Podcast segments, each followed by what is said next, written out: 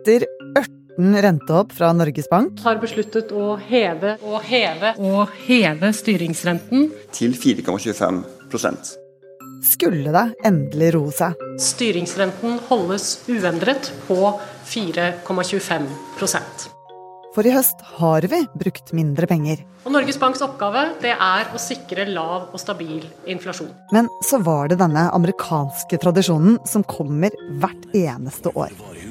Gå ikke glipp av The Blackest Friday. Gå ikke glipp av utrolige Black Friday-tilbud i våre butikker. Derfor har vi gode Black Friday-tilbud hele denne uka. Tilbudskampanjer og ellevill shopping er rett rundt hjørnet. Og som om ikke Black Friday var ille nok fra før, så får den enda dårligere rykte nå. For en voksende teori er at tilbudsfesten kan føre til rentehopp. Du hører på Forklart fra Aftenposten, en podkast der vi tar for oss én nyhet i hver episode. I dag om hvorfor Black Friday kan gi deg enda dyrere lån. Jeg heter Synne Søhol, og i dag er det tirsdag 14. november. Sindre Heirdal er 24s økonomikommentator. År etter år så hører vi om Black Friday og ville tilbud. Men ta oss litt tilbake. Når var det Black Friday startet i Norge? Ja, Det er ikke så lenge siden eh, Black Friday kom til Norge. Nå virker det kanskje som en evighet eh, siden for oss, men det er bare 13 år faktisk eh, siden da Vestby introduserte konseptet til norske shoppere. Og det ble en umiddelbar suksess. De første årene var det også ganske brutalt. Det kan man si.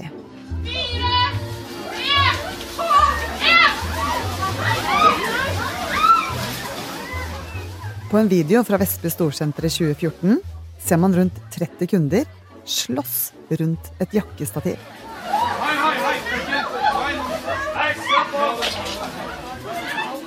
Og det var ikke stort bedre på Sørlandssenteret i 2016. God morgen og velkommen til sending her fra Sørlandssenteret. Det er Black Friday. Klokka er ti på sju. Da dørene åpnet, ble Federlandsvennens reporter lettere rystet over det han så. Oi, her går folk over ende. Nå er det fått litt ta på ned her. Oi, oi. Dette er jo fullstendig galskap. De er jo helt ville. Ja. Folk mister skoene her for å skal handle dette. Folk ramler jo inn her. Bokstavelig talt. Men hele Black Friday-konseptet startet selvfølgelig i USA. Black Friday kommer alltid dagen etter thanksgiving i USA, sammen med kalkunen altså. Og det har tradisjonelt sett vært den første dagen for eh, julehandelen, for julen er den neste store helligtiden etter thanksgiving over there. Det finnes flere teorier på hvordan Black Friday oppsto. Én teori er knyttet til thanksgiving. For i USA så var det vanlig at dagen etter, som alltid er en fredag og en inneklemt dag, var en fridag som mange brukte til å handle julegave på. Men på tidlig 60-tallet i Philadelphia ble det helt kaos da kunder stormet butikkene, og etterpå ble dagen betegnet som en svart dag. En annen teori går på at uh, dette var dagen da de fleste bedrifter gikk fra røde tall i regnskapet, altså i underskudd, til svarte tall som i overskudd. Ja, det har vært en ganske rivende utvikling fra Black Friday til å bli også både to, tre og fire dager.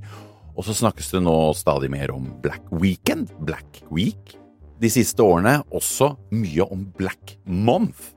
Og så har vi fått andre konsepter som Cyber Monday, Cyber Week, og jammen også Singles Day, som faktisk var eh, sist helg. Så det stopper aldri med tilbud i november lenger, virker det som. Black Friday har også fått mye kritikk. Det har blitt omtalt som en unødvendig kjøpefest. Vi kjøper ting vi ikke trenger, og bidrar til uønsket forbruk. I tillegg har butikkene fått kritikk for å sette opp prisene rett før, for så å skryte av store priskutt. Ja, Vi har sett en trend de siste årene hvor mange butikker øker prisene på varene sine i måneden før Black Friday eller Black Month. Og det er for å kompensere for alle de elleville salgene de kjører når det nærmer seg eh, salgsperioden, eller når man er inne i Black Week og lignende. Er det for å det skal se ut som tilbudene er veldig store? Ja, det er klart at prosentkuttene vil jo se veldig imponerende ut hvis da den gamle såkalte originalprisen var veldig høy. Uansett, en økning i priser er ganske vanlig i oktober. Men i år er det spesielt ille. For aldri før har det vært så mange prisøkninger den måneden. Og det kan ha fått større konsekvenser enn irriterende reklamer. Hvorvidt det blir nødvendig å heve renten videre, vil avhenge av den økonomiske utviklingen.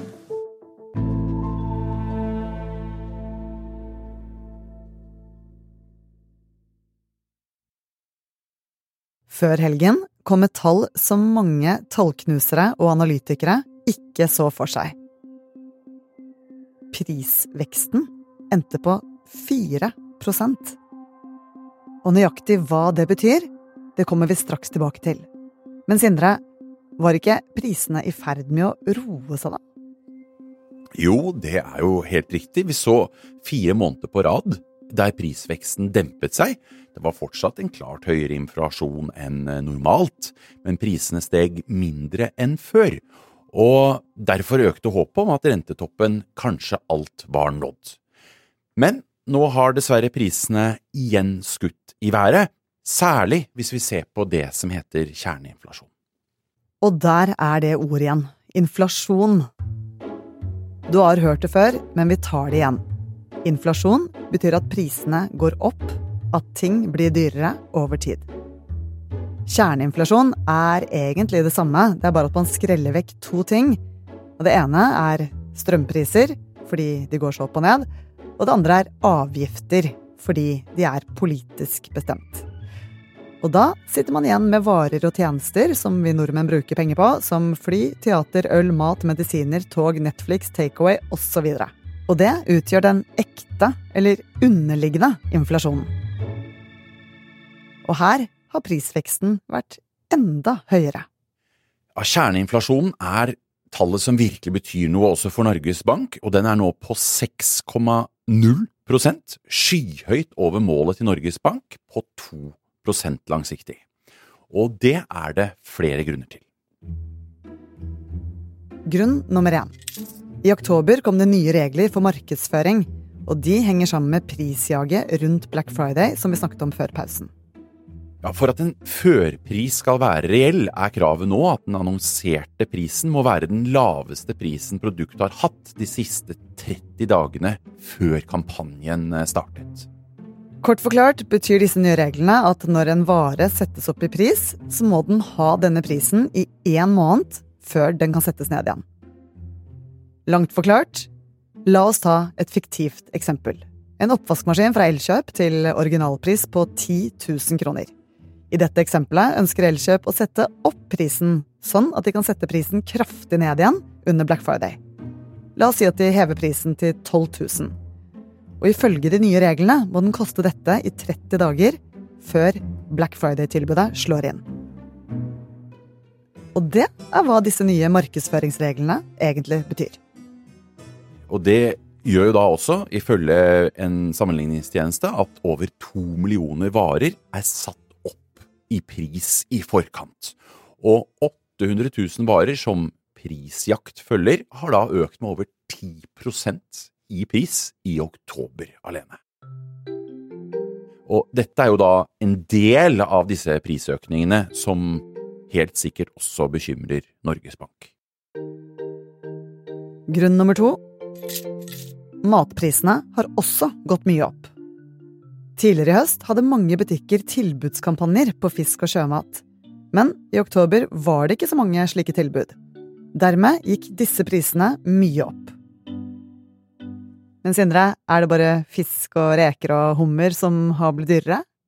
Det er ganske brede prisøkninger, men eh, hvis vi ser på kultur og fritid og møbler og husholdning, så har prisveksten vært særlig stor. Eh, her økte prisene med henholdsvis 8,2 og 8,8% det siste året, viser de ferskeste tallene vi har.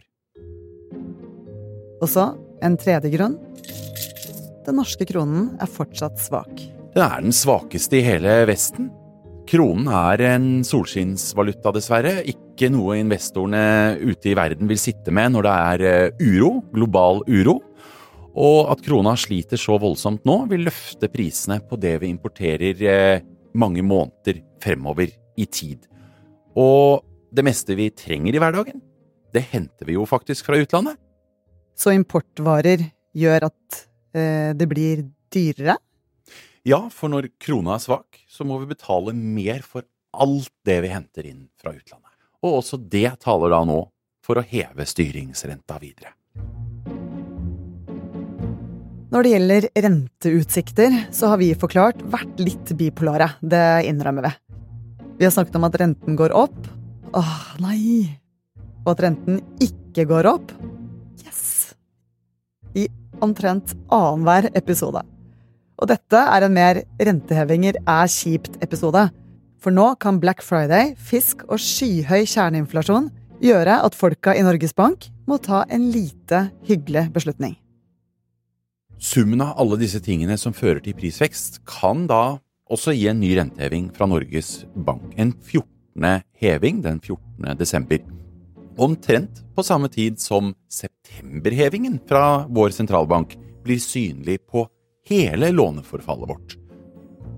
For renteendringer har store forsinkelser i banken.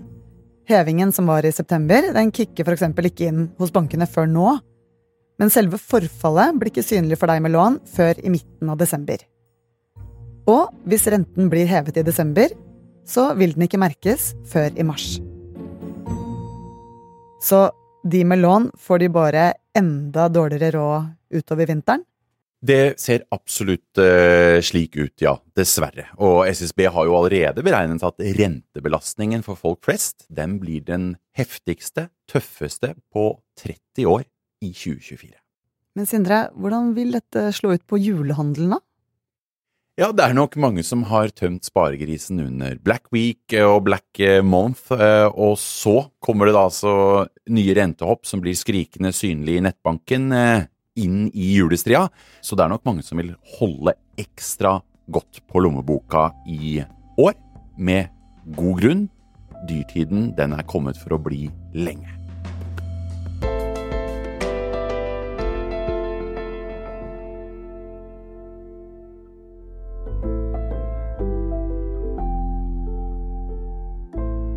Du har hørt en podkast fra Aftenposten. Det var E24s Sindre Heierdal som forklarte deg sammenhengen mellom Black Friday og rentehopp. Denne episoden er laget av produsent Jenny Førland og meg, Synne Søhol. Resten av Forklart er David Vekoni, Anders Weberg og Olav Eggesvik. Lyden du hørte er fra Fedrelandsvennen, Norges Bank og reklamene til Intersport, XXL og Claes Olsson. Lars Klomnes i Aftenpodden her. Hver torsdag så kommer jo vi med det morsomste og mest spennende fra norsk politikk og samfunnsdebatt, eh, og litt attåt. Men nå kommer vi også med noen bonusepisoder. For vi er så entusiastiske over at eh, Arbeiderpartiets indre konflikter på 70-tallet har blitt en eh, suksessfylt TV-serie at vi dissekerer, diskuterer og vurderer hver episode av NRK-serien Makta. Hvis du ikke vil vite at Gro Harlem Brundtland blir statsminister i Norge, så sett på pause nå, og så kom tilbake senere. Episodene får du fra Aftenpodden hver mandag.